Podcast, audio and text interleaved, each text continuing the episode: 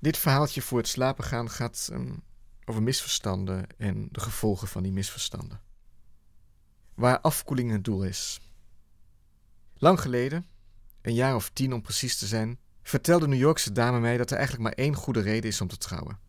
Omdat het op een gegeven moment gênant wordt dat je het huis uit moet om op zoek te gaan naar seks. Ik was niet geheel overtuigd van deze redenering.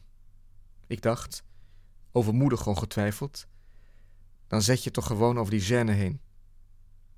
Ik vond de dame aantrekkelijk en op een middag schreef ik haar vanuit Namibië, waar ik toen verbleef, I would like to fuck you. Waarop zij antwoordde, I'm on deadline. Ze was namelijk een journalist. Zij het met literaire ambities. Voor het misverstand kan ontstaan dat ik dergelijke woorden regelmatig in de mond neem. De dame in kwestie was getrouwd geweest. Zij vond twee keer seks per dag normaal, ochtends en s avonds. Maar een paar weken na de bruiloft begon haar man aan seksweigering te doen, wat tot een scheiding leidde.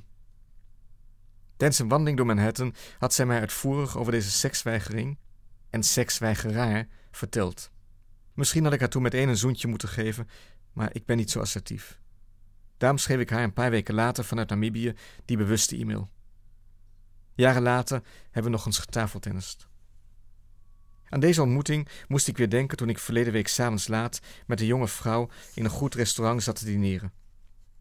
Er waren nog maar weinig mensen. Naast ons zaten vier jonge, vermoedelijk hippe, nogal luidruchtige mensen. We bestelden ons eten en op een gegeven moment zei mijn tafelgenoten: De vorige keer dat we afspraken, probeerde je mij te kussen. Die opmerking verraste mij. Het was waar dat ik had geprobeerd haar te kussen, maar ze had haar hoofd afgewend en ik meende de situatie te hebben opgelost als een gentleman.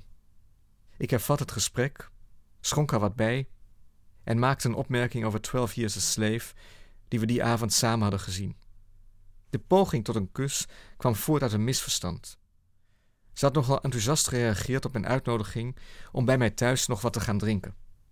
Een uitnodiging die ik eigenlijk beleefdheidshalve had gedaan.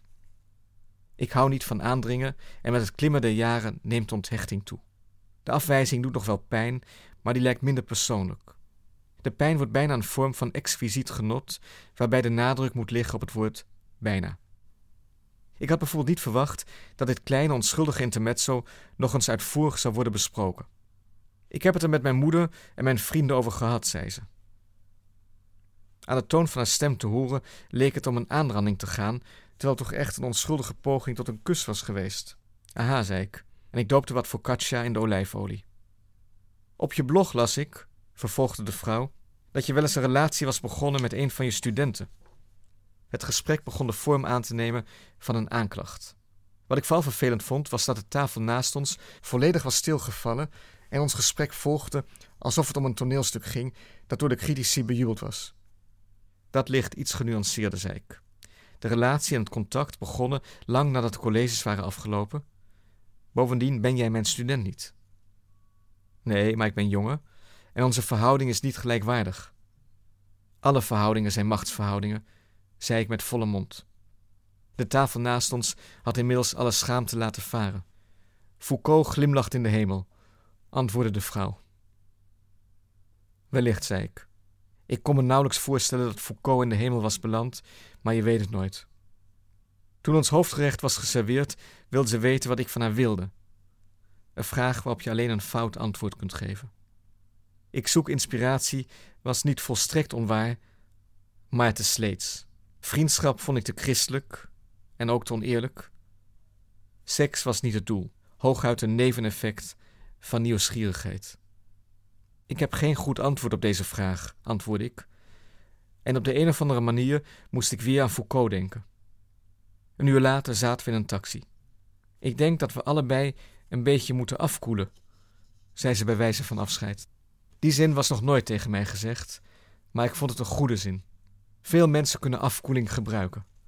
Van Poetin tot sommige schrijvers, columnisten en uitgevers tot minnaressen. Afkoeling is het doel, literatuur de weg. Bij een metrostation stapte ze uit de taxi. Doe de groet aan je moeder, riep ik haar nog na, want haar moeder is psychiater en die had ik graag eens willen ontmoeten. Ik reed naar mijn appartement en bekeek de planten. De mislukking is ons ware vaderland.